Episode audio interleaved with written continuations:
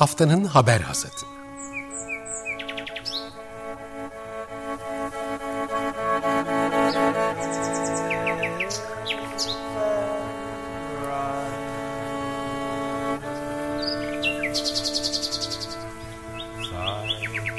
Haftanın öne çıkan iklim haberleri ve araştırmalarından okumalar ve yorumlar.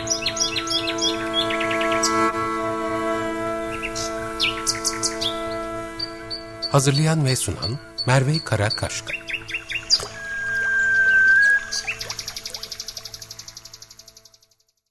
Günaydın. Geçtiğimiz haftanın iklim haber ve araştırmalarından özel bir derleme sunan Haftanın Haber Asatı programına hoş geldiniz. Oldukça çetrefilli konuları ele aldığımız bu bölümümüzün manşeti dünyayı yeniden parlatabilir miyiz? Soru oldukça karmaşık. Haberler de öyle. Ee, biliyorsunuz pandemi sonrası normalleşmeden bahsediliyor ekonomik anlamda jargonda fakat normalin ne olduğunu hatırladığımızda e, pandemiyle birlikte yaşadığımız yangınlar, seller ve ekstrem kuraklık olaylarıyla birleştiğinde o normal denilen düzene dönmek istiyor muyuz, dönecek miyiz, nasıl döneceğiz soruları birbirine girmiş durumda.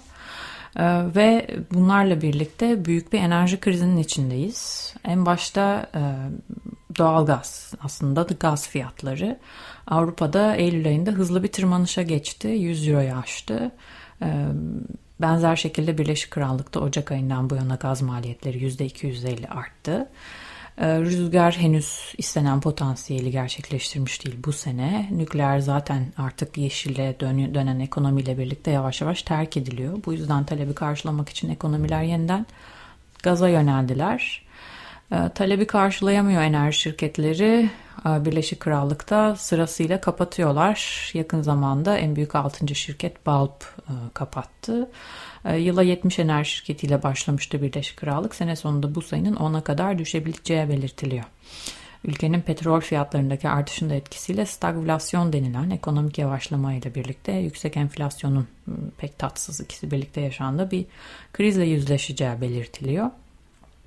Gaz fiyatları ile birlikte kömür Çin ve Hindistan'da artan talebe rağmen karbonsuzlaşma hedefine bağlı olarak uzun vadede yatırım çekemiyor olmasının da etkisiyle rekor kırıyor. Bu durum ülkeyi büyük bir enerji krizine doğru sürüklüyor. Ee, geçtiğimiz hafta içinde elektrik kesintileri nedeniyle Apple ve Tesla tedarikçilerinin bir bölümü alüminyum, kimyasallar, boya ve mobilya sektöründen tesisler üretimi durdurmuştu. Peki fosil yakıt fiyatlarındaki artış temiz, temiz enerji üretimi için bir fırsat olabilir mi? Ee, bu yönde önemli bir çalışma geçtiğimiz hafta Londra merkezli düşünce kuruluşu Amber Climate'dan geldi. Amber Türkiye'de yeni kurulacak rüzgar ya da enerji e, güneş enerjisi santrallerinde elektrik üretim maliyetlerinin var olan termik santrallerde ithal kömürle e, enerji üretmeye kıyasla daha ucuz olduğunu buldu. E, yani aslında ortada şöyle bir tablo var şu anda. Türkiye için yenilenebilir e, iki kaynak rüzgar ve güneşten şu an enerji üretmek, var olan yeni tesisler kurarak üstelik üretmek, var olan ithal kömürlü termik santrallere göre daha ucuz duruma geldi. E, rapora göre Türkiye'de rüzgardan elde edilen elektrik, elektriğin seviyelendirilmiş maliyeti 40.8 dolar mega, e, megawatt saat başına. Güneş için aynı fiyat 51.9 dolar. İthal kömürle elektrik üretiminin maliyeti ise 62 ila 77 dolar ortalama 73 dolara ulaşıyor.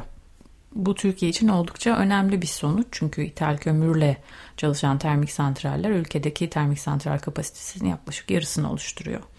Şimdi Amber Climate'ın e, raporunun e, yazarı olan Ufuk Alparslan enerji ve veri iklim verisi analisti aynı zamanda. Bu raporla ilgili çalışmalarını, metodolojilerini, ilginç verileri ve aynı zamanda önemli bir soru kömürün e, maliyetinin ilerleyen zamanlarda düşmesi durumunda e, hesaplamaların nasıl değişeceğini, sonuçların hala güneş ve rüzgar lehine olup olmayacağını bizim için değerlendirdi. Şimdi onun yorumlarını dinleyeceğiz. Ardından haftanın haber hasatına, hasatın diğer haberleriyle devam edeceğiz. Şimdi şöyle bu raporda yapmaya çalıştığımız şey rüzgar ve Türkiye'de, Türkiye özelinde rüzgar ve güneş santrallerinin birim başına maliyetin yeni yapılacak bir rüzgar ve güneş santralinin e, ithal kömür santrallerinin yalnızca marjinal maliyetiyle karşılaştırması. Bunu yapmamızdaki neden iki tane neden var aslında. Birincisi tüm dünyada olduğu gibi Türkiye'de de rüzgar ve güneşin maliyeti, yeni kurulacak rüzgar ve güneş santrallerinin maliyeti hızla düşüyor. Türkiye'de e, bundan geri kalmadı. Hatta Türkiye'de e, güneş konusunda da e, potansiyeli yüksek bir ülke olduğu için aynı e, maliyet düşüşü Türkiye için de geçerliydi. Bu bir yandan. İkinci açıdan da kömür fiyatları, uluslararası piyasalardaki taş kömür fiyatları hızla artıyor. Ee, özellikle son 4 ayda ikiye katlandı. Hatta artmaya da devam ediyordu. Son 1-2 günde bir %10-15 daha arttı. Yani biz bu raporu hazırladığımızda en son ben e, fiyat güncellemelerini Perşembe günü yapmıştım.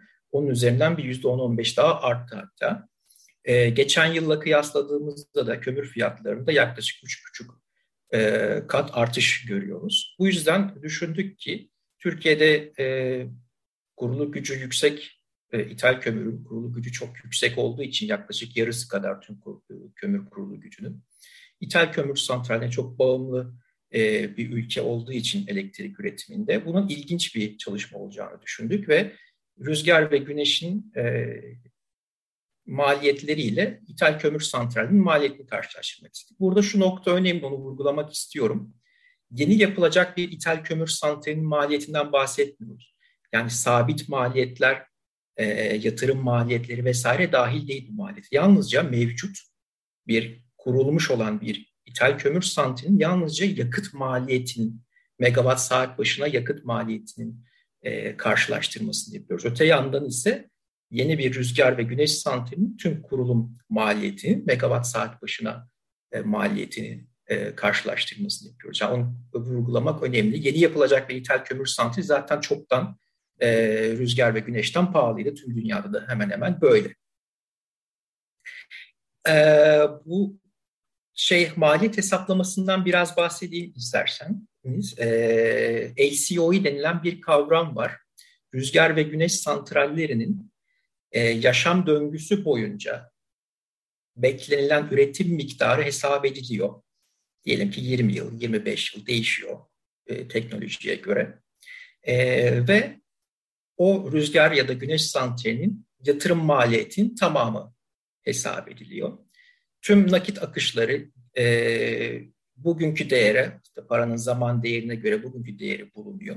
Ve bugünkü değeri üzerinden e, toplam üretim miktarı, beklenilen üretim miktarı ne olması bekleniyorsa ona bölünüyor ve megawatt saat başına ne kadar e, maliyetin olacağı bulunuyor ve oradan da projenin karlı mı karsız mı olacağı ortaya çıkıyor. Buna da LCOE deniyor. Bu megawatt saat başına maliyete LCOE deniliyor. Çalışmamızda da grafiklerde görüleceği üzere özellikle son 5 yılda inanılmaz bir düşüş var rüzgar ve güneşin LCOE'sinde. Örneğin e, güneşin LCOE'si son 5 yılda yarıya inmiş. Rüzgarınki ise son 10 yılda yarıya inmiş. Rüzgarın son 5 yıldaki maliyet düşüşü de %30-35 civarında. Öte yandan e, kömür fiyatlarından biraz bahsettim zaten. E, bir de şunu da vurgulamak gerekiyor belki de. Türkiye'de biliyorsunuz karbon fiyatı yok. Karbon e, vergisi, karbon cezalandırması, emisyon ticaret piyasası gibi sistemler yok. Örneğin e, böyle bir sistemin olduğu, emisyon ticaret sisteminin olduğu Avrupa Birliği'nde bu çoktan gerçekleşmişti. Bununla ilgili çokça haberde yapıldı zaten. E, ne oluyor? İthal kömür sant İtalya'da değil fark etmez aslında tüm kömür santrali, tüm fosil yakıt santrallerinin e, emisyon başına, ton başına e, bir e, ETS fiyatı üzeri, ETS fiyatı üzerinden bir ceza uygulanıyor. E, ve bu zaten oradaki kömür santralini çok e, maliyetli hale getirmişti. Gaz santrallerini de maliyetli hale getiriyor. O da fosil yakıt olduğu için. Türkiye'de böyle bir karbon cezalandırma piyasası, emisyon ticareti piyasası da yok. Buna rağmen tüm her şeyi kenara bıraktığımızda yalnızca yakıt maliyeti bile e, bir hali maliyetli olmaya başladı. Öyle ki e, sonuçlardan bahsedeyim biraz. Örneğin güneş santrali için biraz önce bahsettiğim LCOE megawatt saat başına e, birim üretim maliyeti 51 dolar civarında. Rüzgar santrali için de 40, 42 dolar civarında. İthal kömür santrallerine de tek tek baktık. Çünkü kömür santrallerinin biliyorsunuz e, verimlilikleri değişiyor. Türkiye'de de e, kömür, ithal kömür santrallerinin verimlilikleri %37 ile 47 arasında değişiyor. Örneğin %47 olan verimlilik, verimliliği %47 olan bir ithal kömür santraline baktığımızda dahi yani Türkiye'deki mevcut en verimli ithal kömür santralinin birim başına maliyete baktığımızda dahi e, güneş santralinin maliyetinden 10-15 dolar daha fazla görüyoruz. Diğer daha verimsiz santraller bunun da 10-15 dolar üstüne çıkıyor. Ortalamasını aldığımızda tabii bu bir hafta önceki fiyatlara dayanarak yapılan bir hesap. Yaklaşık ortalama 73 dolar gibi bir maliyeti var ithal kömür santrallerinin. Ee, öte yandan e, güneş santralinin LCO'si bundan 20 dolar. Rüzgarınki ise 30 dolar daha düşük yaklaşık olarak. Ee, biz bu, bu tabii kısa vadeli marjinal maliyet. Yani bugün kömür almak isterseniz ve e, yakarak elektrik üretmeye çalışırsanız maliyetin ne olacağı. E, önümüzdeki aylarda bu fiyat değişebilir diyebilirsiniz. Gelecek yıl belki düşecek diyebilirsiniz. İki yıl sonra düşecek diyebilirsiniz. Bu geçici bir durum diyebilirsiniz. Bunun için de bu analizi ek olarak bir analiz daha ekledik. E, bu yıl içerisinde e, yenilenebilir enerji ihaleleri oluyor, YK ihaleleri. Güneş santralleri için bir ihale düzenlendi. Nisan-Mayıs e, arasında oldu. E, bu ihalelerde rekor düzeyde düşük fiyat çıktı. E, dolara çevirirsek TL üzerinden yapıldı ama enflasyona endeksli bir fiyat düzenlemesi de var. O dönemin kuruyla dolara çevirirsek ortalama çıkan fiyat 25 dolar bölü megawatt saat civarındaydı. Yani bugün e, güneşin ACO'su 50-51 dolar civarında diyoruz. Orada e, ihalede çıkan ortalama fiyat bunun yarısı civarında. Neden böyle? Çünkü bu projeler için belli bir e, proje dönemi var. Bu e, santrallerin önümüzdeki 3 yıl içerisinde tamamlanması bekleniyor. Dolayısıyla bunu şöyle görebiliriz. Piyasanın 3 yıl içerisinde güneş santralinin maliyeti ne olacağını e, öngörüyor şeklinde de görebiliriz. Yani piyasa e, fiyatların yarıya kadar düşeceğini bekliyor anlamına geliyor. E, bunu kömür için yapacak olursak aynı projeksiyonu piyasada kömür vadeli işlem kontratları var. E, uluslararası piyasalarda, borsalarda işlem gören.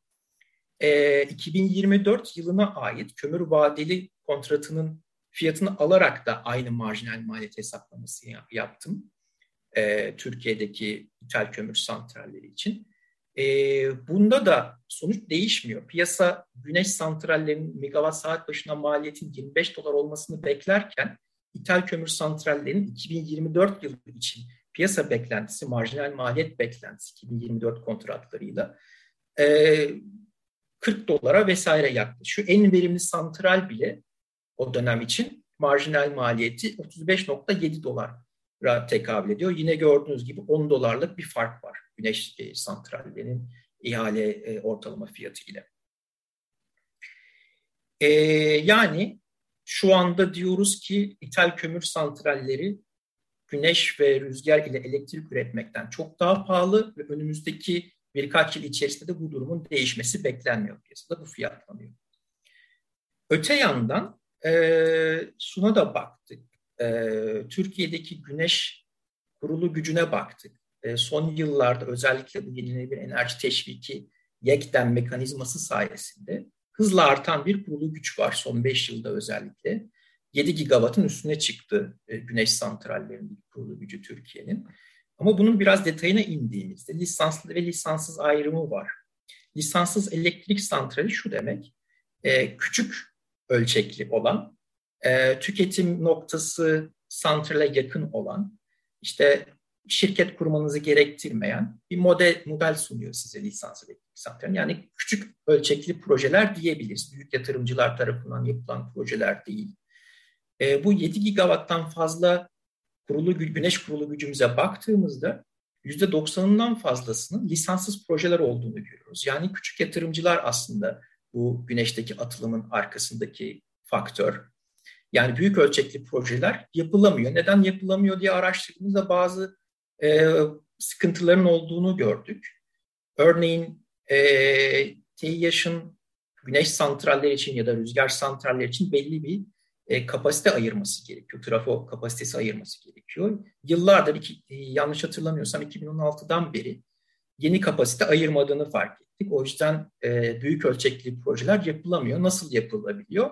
Yalnızca bu bahsettiğim YEKA e, ihaleleri yoluyla yapılabiliyor. Yani şu anda rüzgar ve güneş yatırımı yapmak istiyorsanız e, bu YEKA ihalelerine girmek durumundasınız. Onun dışında e, kendiniz paranız olsa dahi, uygun araziniz olsa dahi geliştiremiyorsunuz bu projeleri. Ee, başka bir de şey var, e, engeller konusunda, problemler konusunda güneşin önündeki.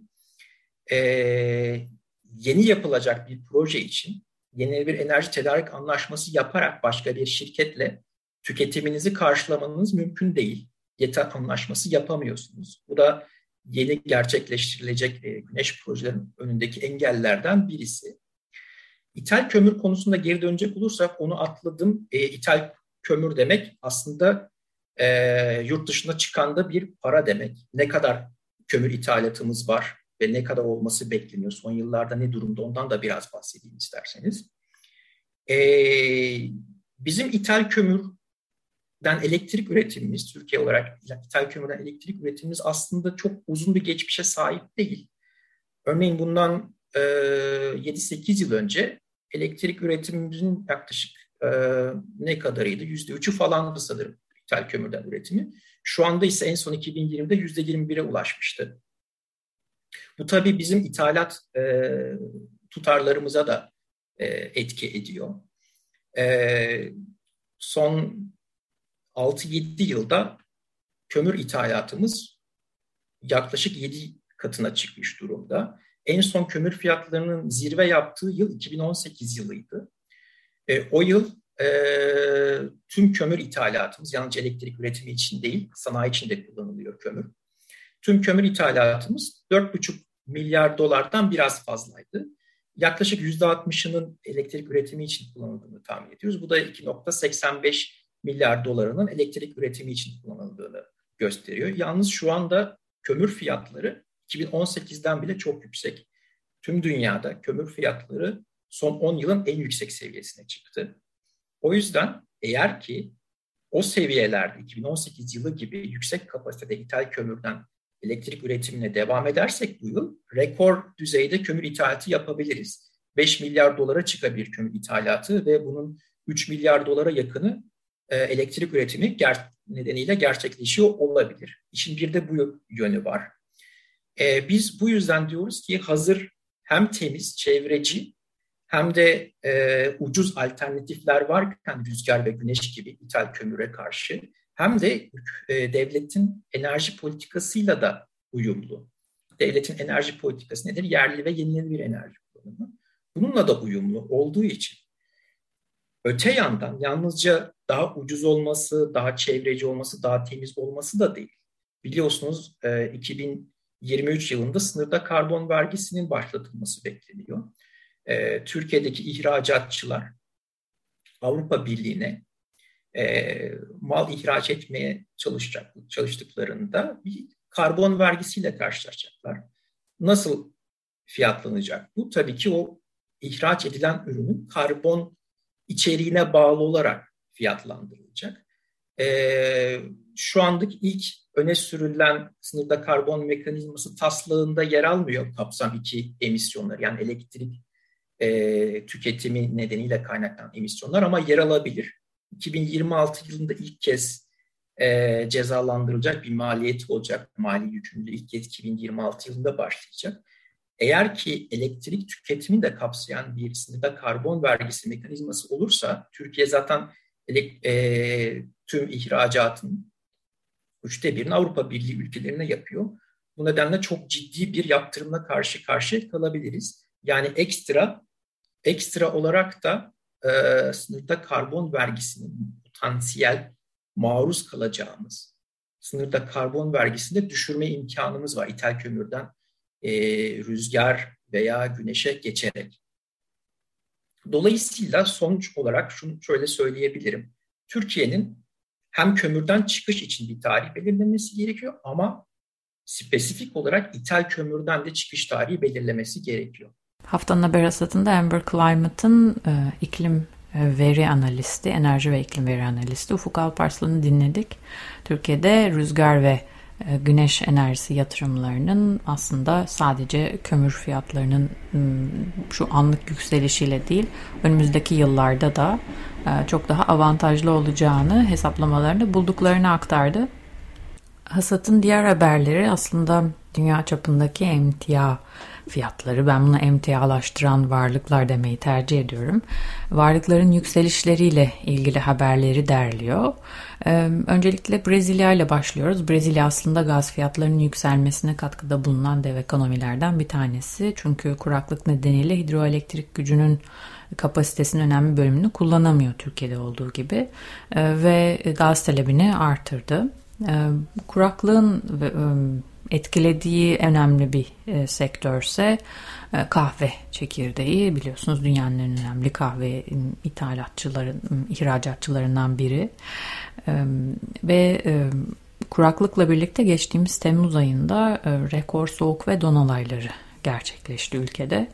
E, bu değişiklikler bu ekstrem iklim olayların yaşanması e, kahve fiyatlarının kilogram başına 4.4 dolara e, yükseltmesi beklentisini oluşturdu.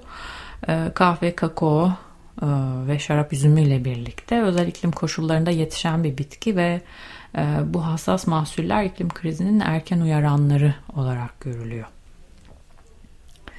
Sırada kahveden sonra sırada pamuk fiyatları var. Pamuk fiyatları iklim krizinin etkisiyle değişen yağış rejimi ve uluslararası sevkiyatta yaşanan sorunlar nedeniyle son 10 yılın zirvesine ulaştı. Dünyanın en büyük pamuk ihracatçısı Amerika Birleşik Devletleri. Ee, ve bu ülkede Teksas ve Mississippi deltasında özellikle yoğun olarak pamuk yetiştiriliyor. Ee, ve burada da yağışların mahsulleri tehdit ettiği belirtiliyor. Ee, pamuk fiyatlarındaki artışa bağlı olarak haliyle tekstil ve hazır giyim ürünlerinde de fiyat artışlarının görülmesi bekleniyor. Ee, bir süredir pamukta Türkiye net ithalatçı düşünülenin aksine Türkiye aslında pamuk ıı, ithalatçısı ve Amerika'daki pamuğun da önemli bir müşterisi. Ee, ve bu senede yeni bir ithalat rekoruna koştuğu belirtiliyor. Bir diğer fiyat artışı haberi tarımsal gübre fiyatlarında. 2008'den bu yana en yüksek seviyede tarımsal gübre fiyatları e, takip etmiyorsanız konuyu sürpriz bir şekilde gazla bağlantılı. E, gübre yapımında kullanılan amonyağın e, gazdan üretiliyor ve gaz fiyatlarında yükseliş doğrudan gübre fiyatlarına yansıyor. Dünyanın en büyük üreticilerinden CF Industries İngiltere'nin kuzeyinde iki fabrikasını gaz fiyatlarındaki artış nedeniyle kapattığını duyurmuştu. Gübre fiyatlarındaki artış çiftçilerin buğday ve mısırdan uzaklaşarak gübreye daha az bağımlı mahsulleri yönelmesiyle sonuçlanabilir. Türkiye gübre üretiminde kullanılan ham maddeler bakımından %95 dışa bağımlı gübrenin fiyatlarının artmasına e, ve e, tarımda gübre kullanamamasına üzülmeli miyiz? Bu haber e, olumsuz bir haber mi? Aslında onu tartışabiliriz.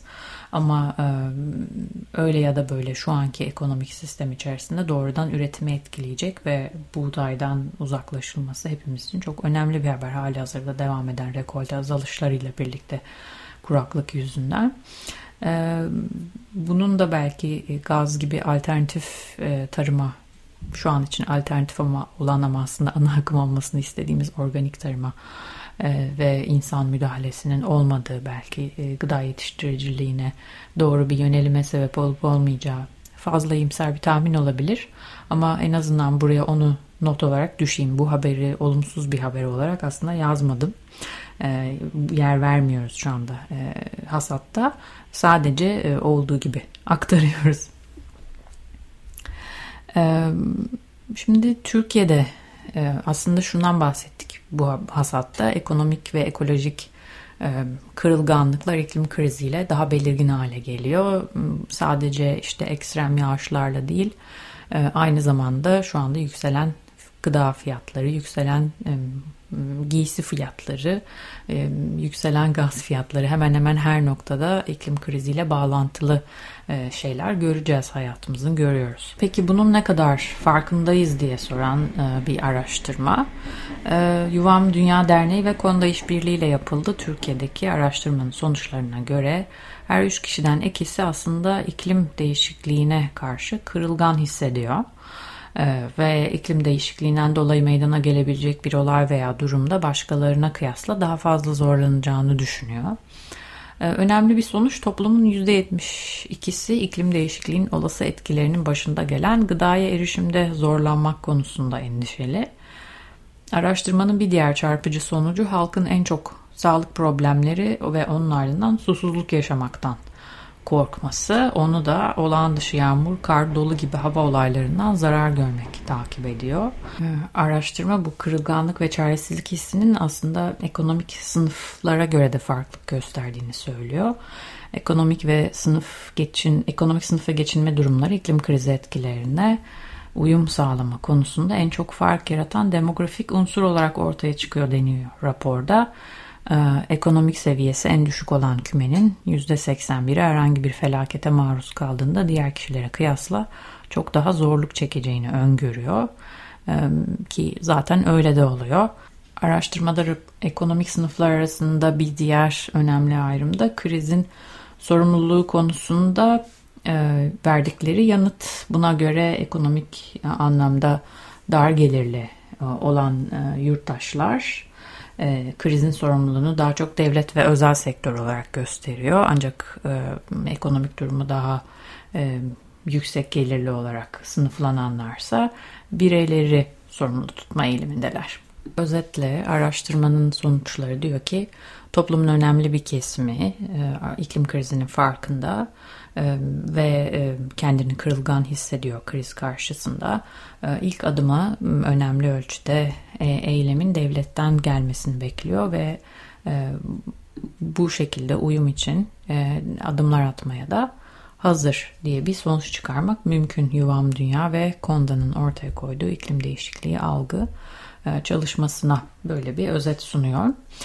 Şimdi bir e, müzik molası vereceğiz haftanın haber hasatına. E, Tom Robinson bizimle birlikte olacak. Biraz nostalji yapacağız ama e, Armageddon'dan bahsediyor, kıyamet gününden. E, ve e, TV'yi her açtığımda her gece e, felaket haberleri alıyorum diyor. 1983 yılında yazmış bu şarkıyı. War Baby şarkısı. Ardından haftanın haber hasatına hasatın diğer haberleriyle devam edeceğiz.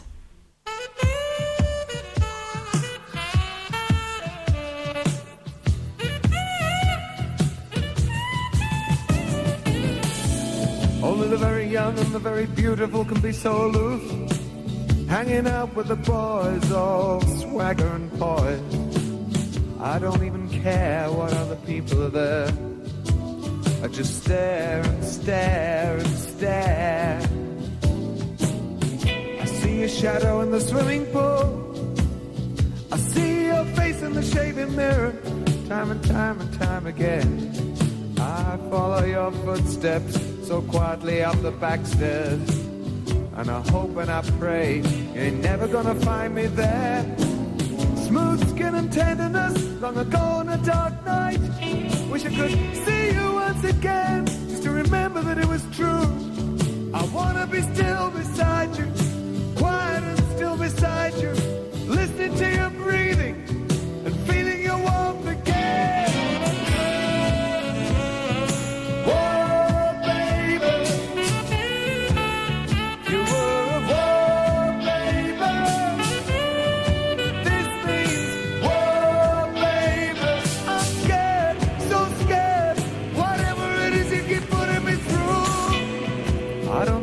stand another ten years of this fighting. All this stabbing and wounding, only getting my own back. I don't wanna batter you to your feet and knees and elbows when I'm kneeling by the candle at the foot of my own bed.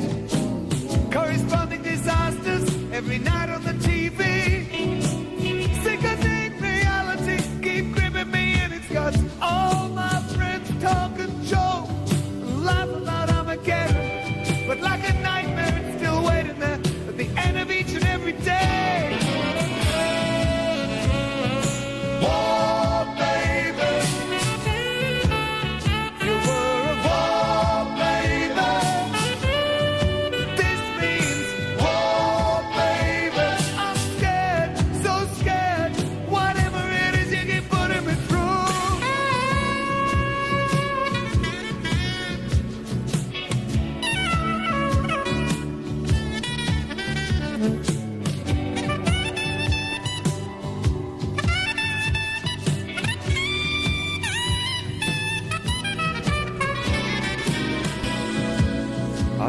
could stand another ten years of this fighting.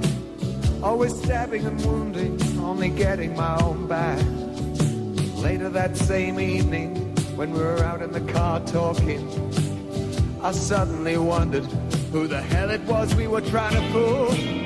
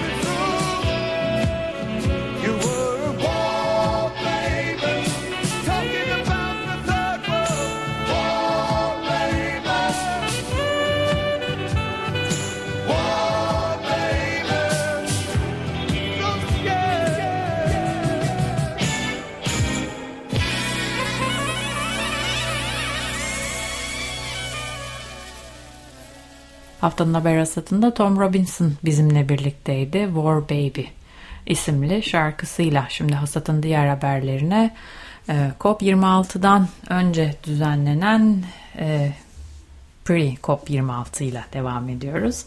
Biliyorsunuz bir aydan daha kısa süre kaldı ancak öncesinde Milan'da bakanlar düzeyinde Pre-COP26 toplantısı e, yapılıyor. E, Türkiye'yi zirvede temsil eden isim Çevre ve Şehircilik Bakanı Murat Kurum e, burada önemli bir açıklama yaptı. E, Paris Anlaşması Türkiye Büyük Millet Meclisimizin gündemine girmiştir ve başlattığım süreci en kısa sürede meclisimizden geçirerek ulusal katkı beyanımız çerçevesinde anlaşmaya taraf, taraf olacağız dedi. Ee, Cumhurbaşkanı Erdoğan'ın 2053 yılında net sıfır emisyon hedefini ortaya koyduğunu ve bunu kamuoyuyla paylaştığını da dile getirdi. Yani Erdoğan'ın aslında ima ettiği her şeyi burada net cümlelerle kesin hedefler olarak e, koyması önemliydi, teyitlemesi önemliydi. Şunları da söylüyor. Şimdiden 2053'ün Türkiye'si için sürdürülebilir bir kalkınmayı, yeşil bir kalkınmayı, yenilenebilir enerjiye daha fazla yatırım yapmayı ülkemiz için bir öncelik haline getirdik. Bu anlamda Türkiye'nin iklim değişikliği mücadelede önce bir rol üstleneceğinden hiç kimsenin kuşkusu olmasın. İhtiyacı olan her ülkenin yanında olacağımızı da burada yinelemek isteriz diyor kurum. Ee, iklim aktivistleri bu açıklamaları bekliyorlar ve öncesinde e, Milano'da protesto etmeye başladılar. Yüzlerce iklim aktivisti yol kapatma eylemleriyle e, eylem, eylemleri yaparak ülkelerin aslında eylemsizliklerine dikkat çektiler. E, Youth for Climate iklim için gençlik zirvesi etkinliği düzenlendi. Burada Greta Thunberg e, konuşma yaptı. Bla bla falan filanlı konuşması haftaya damga vuran konuşmaydı kanımca. Ee, iklim mücadelesi için ülkelerin vaatleri, boş vaatlerini eleştirdi. Ee, konuşmanın Türkçe tam metni Açık Radyo'da yer alıyor. Açık Radyo'nun web sayfasında var. Ee, konuşmanın tüm e, okunmaya, görmeye değer. Ee, şimdi bu konuşmayı bir kez daha hatırlamak için kısa bir kesit dinleyeceğiz. Ardından hasata devam edeceğiz. There is no planet B. There is no planet blah. Blah, blah, blah. Blah, blah, blah. This is not about some expensive, politically correct green act of bunny hugging or blah, blah, blah. Build back better, blah, blah, blah. Green economy, blah, blah, blah. Net zero by 25, 2050, blah, blah, blah. Net zero by 2050, blah, blah, blah. Net zero, blah, blah, blah. Climate neutral, blah, blah, blah. This is all we hear from our so called leaders. Words. Words that sound great, but so far has led to no action. Our hopes and dreams drown in their empty words and promises. Of course, we need constructive dialogue, but they've now had 30 years of blah, blah, blah, and where has that led us? Over 50% of all our CO2 emissions have occurred since 1990, and a third since 2005. All this while the media is reporting on what the leaders say that they are going to do instead of what they are actually doing. And then not holding leaders accountable for their action or rather inaction. Haftanın haber hasatında Greta Thunberg'in e, konuşmasını dinledik. Konuşmasından bir kesit dinledik. E, şimdi e, hasatın diğer haberlerine devam ediyoruz. E, bu haftaki hasata başlığını veren haber dünyanın solması. Physical Research Letters'da yayınlanan yeni bir araştırma 1998 ve 2017 yılları arasında e, dünyadan ayın yüzeyine yansıyan aydınlatıcı ışığın e, ölçümlerini inceliyor ve bu e, ışınmalarda %0.5 oranında bir azalma olduğunu tespit ediyor. Araştırmacılar bu yansıtıcılıktaki değişimin iki faktörden etkilendiğini söylüyorlar. Birincisi dünyaya ulaşan güneş ışıkları, ikincisi de dünyanın yansıtıcılığı Şimdi dünyanın yer kürenin albidosundaki değişiklik güneş ışınlarının parlaklığıyla parlaklığındaki değişikliklerle aslında ilişkilendirilemiyor. Bu yüzden ikinci olasılık yalnız kalıyor. Yani dünyanın aslında yansıtıcılığı değişmiş oluyor. Peki buna ne sebep oluyor diye baktıkları zaman dünya üzerinde, dünya yüzeyindeki parlak ve yansıtıcı alçakta seyreden bulutların özellikle Pasifik Okyanusu'nda son yıllarda azaldığı görülüyor. Bu uydu görüntülerinden NASA'nın özellikle bulutları ve inceleyen NASA projesi kapsamında bulutlarla ilgili gözlemlerde paylaşılıyor. Ve bu yansıtıcı bulutların okyanusların ısınması sonucunda azalması, oluşmasının yavaşlaması diyebiliriz. Dünyanın parlaklığının azalmasına sebep olmuş durumda. Bu yansıtıcılıktaki, parlaklıktaki azalma dünyadaki aslında küresel ısınmayla da takip edilebilir diyor araştırmacılar. Çünkü daha fazla ısı tutmaya yol açılıyor. Dünya iklim sistemi daha fazla ısı tutuyor. Daha önceki araştırmacılar bunun tersi olacağını öngörüyorlar. Yani eğer yer küre ısınırsa daha fazla bulut oluşacak ve daha fazla yansıtıcılıkla dünya tekrar soğuyacak diye öngörülerde bulunmuşlar. Ama araştırmacılar bunun doğru olmadığını tam tersine yine kısırlaşan bir döngüye doğru gittiğini söylüyorlar. Haftanın haber hasatında hasatın diğer haberlerinde şimdi iyi bir haber var. Daha önce hatırlayacaksınız e, haftanın haber hasatının Anadolu'nun Ses Arşivi bölümünde yer vermiştik. İzmir Seferihisar'a bağlı Orhanlı Köyü'nde jeotermal kaynak arama çalışmaları için e, köylülerin direnişini yayımlamıştık. Şimdi burada verilen çet kararlarına karşı zeytin ağaçlarını korumak, korumak için dava açan köylülerin davayı kazandığı haberi geldi. Yaşam alanlarını ve geçim kaynaklarını yok edecek olan projeye karşı kazandıkları bu davanın oldukça önemli olduğunu vurgulayan Orhanlı köylüleri her türlü jeotermal projesine karşı mücadelelerini sürdüreceklerini vurguladı. Mahkeme kararının atanan bilirkişi raporu ışığında verildiği denotlar arasında köylerin açtığı dava sonucu İzmir 3. İdare Mahkemesi tarafından atanan bilirkişi heyetinin raporunda şu ifadeler yer alıyor. Projenin yüzey ve yeraltı sularıyla tarımsal ürünlerin ve toprağın kirletme riski olduğu, sondaj alanının yerini doğru olmadığı, sondaj kuyularının yerleşim yerlerine yakın olması nedeniyle ağır metallerin ve çıkan gazların çevreye ve halk sağlığına zarar verebileceği gibi tespitler var ve JES projesinin ÇED yönetmeliği kapsamı dışında yapılamayacağı belirtiliyor. E, projeye 99 köylü ve köy derneğinin dava açtığı da yine notlar arasında. E, haftanın haber hasatında şimdi sırada Anadolu'nun ses arşivi var. Bu bölümde e, Hevsel Koruma Platformu eş sözcüsü ve Mezopotamya Ekoloji Hareketi aktivisti Vahap Işıklı Şırnak'ta maden arama çalışmalarıyla ilgili süreci aktarıyor. Şimdi onu dinleyeceğiz. Ardından hasatın sonuna geliyoruz.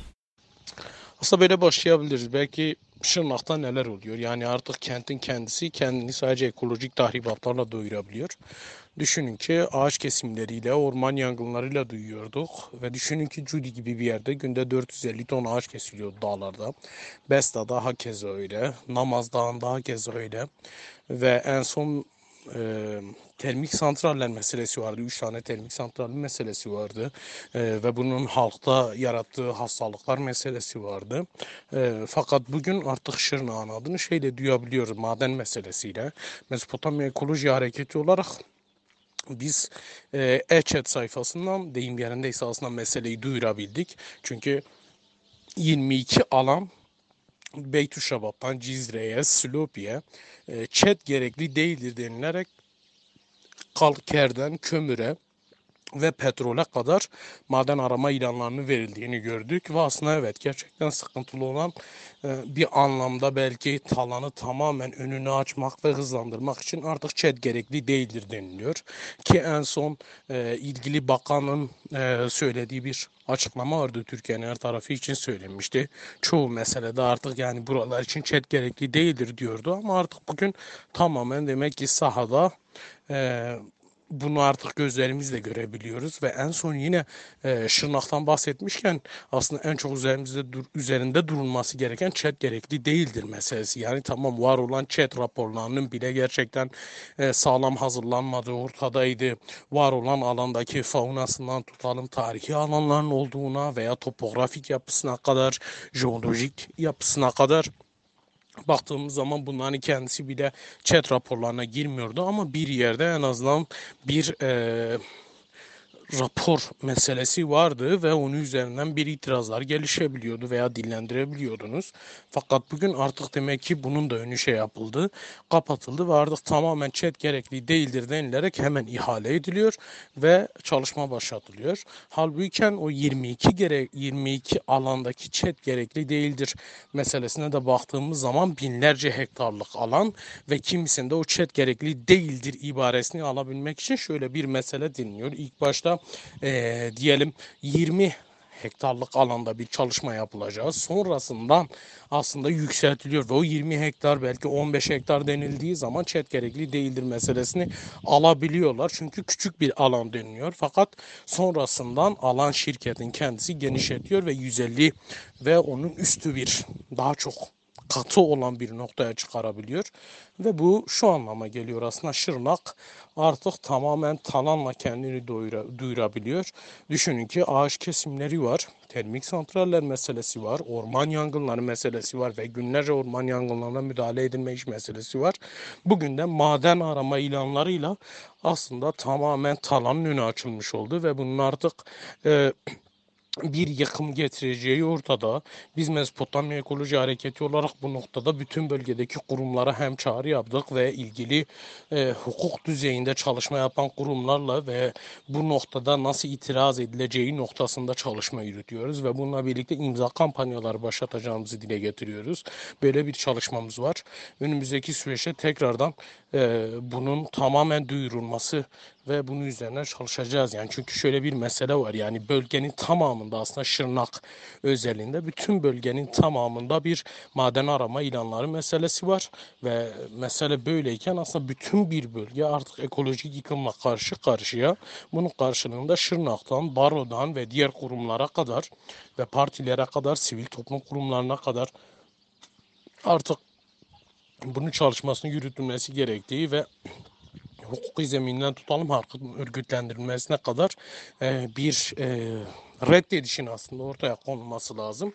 Ve aslında bunun üzerine çalışıyoruz. Biraz aslında mesele bu. Çünkü siz kurumsunuz ve istediğiniz tarzda e, çalışma yürütebilirsiniz. Fakat mesela halkta gerçekten bunun etkisini uyandırabilmekte. Çünkü düşünün ki belki onlarca köy yeniden boşaltılacak. E, ve zaten yıllardır var olan çatışmalı süreçten ötürü köyler boşaltılıyor. Bugün yangın olan alanlarda e, orman yangınlarının bittiği gibi kalakol yükselmesi meselesi var. Ve bugün maden arama ilanlarıyla birlikte de tamamen o köylerin boşaltılacağı meselesini hesaba katarsak aslında bunun halktaki etkisini iyi anlatabilirsek halkta halka bunun çağrısını yapabilirsek ve halkı örgütleyebilirsek biraz bunun önünde daha çok durabileceğimize inanıyoruz. E, ve bu şekilde ancak bir e, engelleme yapabiliriz. Yani bunları dile getirebilirim.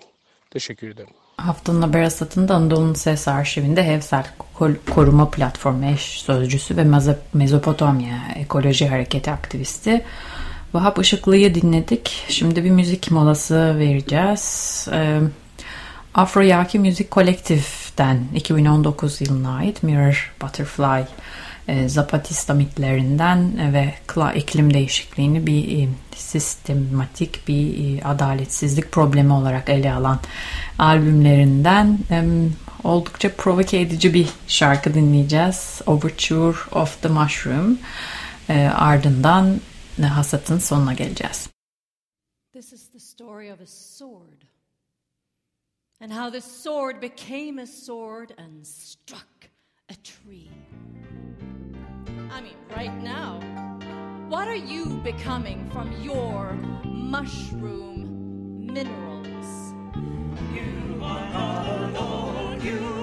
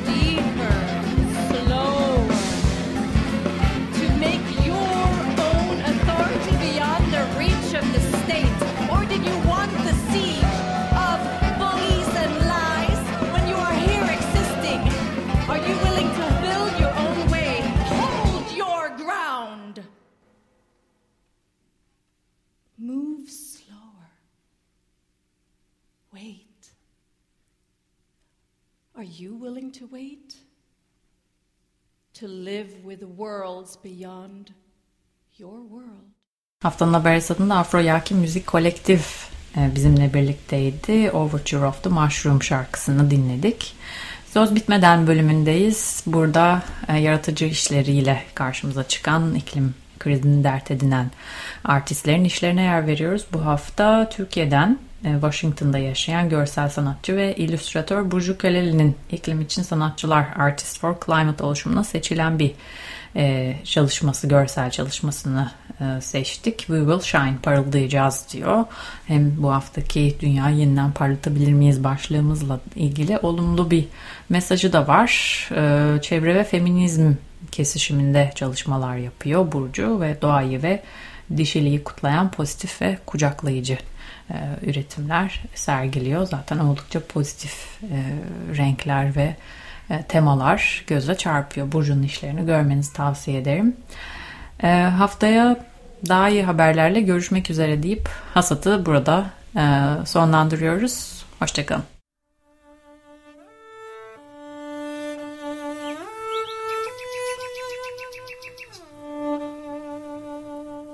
Haftanın haber hasatı.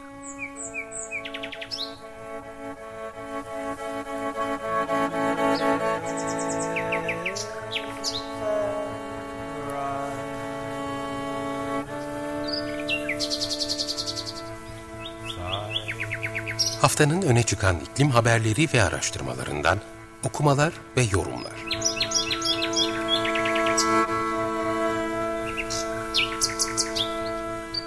Hazırlayan ve sunan Merve Karakaşka